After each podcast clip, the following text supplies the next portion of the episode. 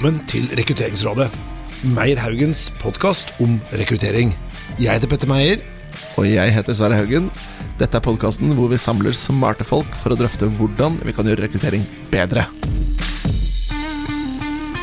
Okay, this you feel like a celebrity now. Yeah, yeah, I feel like whoa. fan group, your fan base. yeah. Okay, thank you for talking to us, Dennis. Thank you for invi- inviting me. You work with Kapersky. Kaspersky. Kaspersky. Yeah, Kaspersky. Actually, uh, there is a guy, Eugene Kaspersky, who is the founder of our company.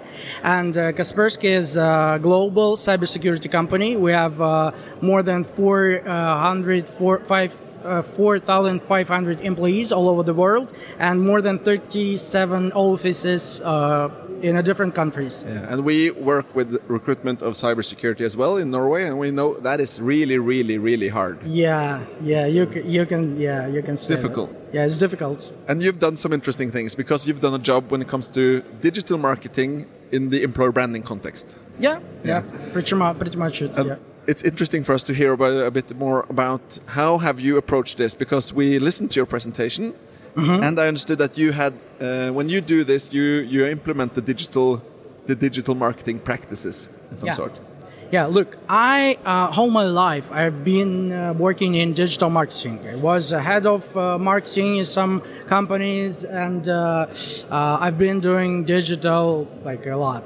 And uh, two and a half, I believe, yeah, two and a half years ago, I joined Kaspersky, and uh, I found out that uh, actually employer branding is pretty much uh, close to uh, like digital branding, like just branding, marketing branding, because uh, the only like difference between between between them is that we promote not some products or just the global brand, but we promote uh, jobs. We sell jobs. As I told, it's difficult to sell Yeah. jobs, but still we do that, and uh, we uh, create a proper, um, like you know, image of the employer. Uh, among our target audiences. So yeah, when when I came uh, to Kaspersky, uh, we like we found out that uh, yeah we have like a lot of digital marketing practices that we can implement here, and we did that. Yeah, and you um, operate with a quite segmented target group.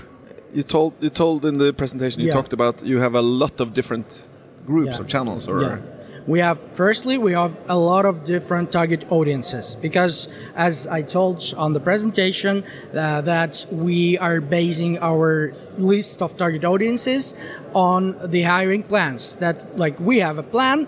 Those people we need to hire and uh, we uh, we look at this this plan and we understand that okay we need to hire for example C++ developers or sales managers in Middle East and Turkey or uh, Africa somewhere else. And uh, we start to research this exact particular this uh, audience.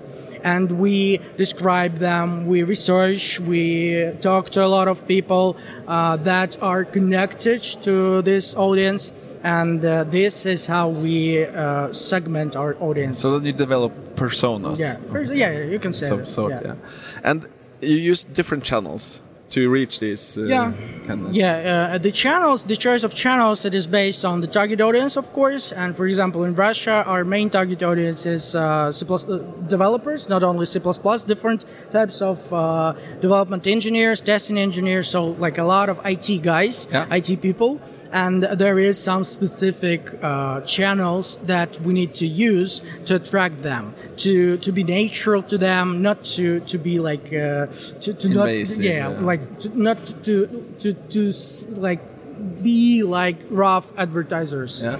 So let me ask you then: if you look at developers, uh, what what have been the most effective channels for you? Uh, the most effective channels, I guess, it's uh, uh, it's still job boards. It's Yeah. still job boards, but we uh, shifted the way we operate on job boards because we now we um, like you know we fine tune the description of the job. Each job is uh, des- like described very specific and very like on the language that will understand this audience will understand first. Second of all uh, we came up we researched the, the market and we found out that there is a lot of really uh, like local uh, websites or channels that we can use that is relevant and natural for these guys and uh, that HR people just do not know about. And this is like Stack Overflow or GitHub. It's, it's or? yeah, it's like Stack Overflow globally, but we have a lot of different resources for technical audience in Russia, local Oh. resources like Habr. It's Habr, uh, H A B R dot com, I guess. H A B R, yeah. Yeah. Uh, or is it this case N plus one. This is the the the resource, the, the web website dedicated to physics, to robotics, to chemistry, etc. And uh, a lot of technical guys they actually like use this. So not the classical social media like Instagram, No, Facebook, no, LinkedIn. No, we we also use LinkedIn. We also use ins, uh, not Instagram, uh, Facebook. Uh, we have the the same uh, as Facebook website called VK, Yeah. VK.com. Yeah, where it's pretty much the same as Facebook, but Russian Facebook, you can say. Yeah. Yeah, uh, we use all of them, but we use uh, targeting uh, advertising there. Okay. Like we promote specific jobs to specific people there. With we do- specific language. Yeah. Or a to- tone of voice. Yeah, tone of voice. Yeah, specific tone of voice. Uh, have you have you uh, have you used, for example, Snapchat? Uh, it's actually not so popular in Russia. For this audience, we do not use Snapchat.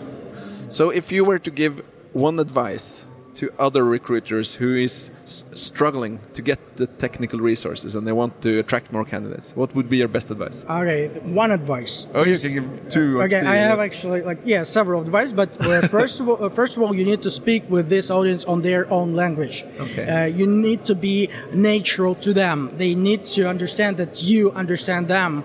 Like you're not HR people. You Hmm. are like like them. You are on the same page with them. This is the more important thing, I guess.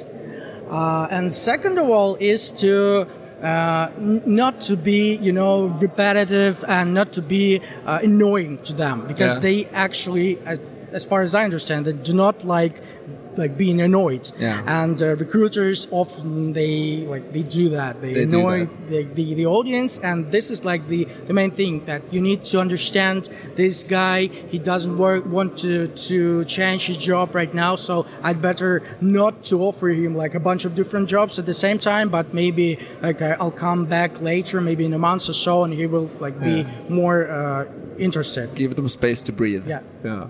So that's two very good advice. Thanks. I think I I think we can take these advice and implement them, and uh, I think they will have a huge impact in uh, in Norway as well. Yeah. Thanks.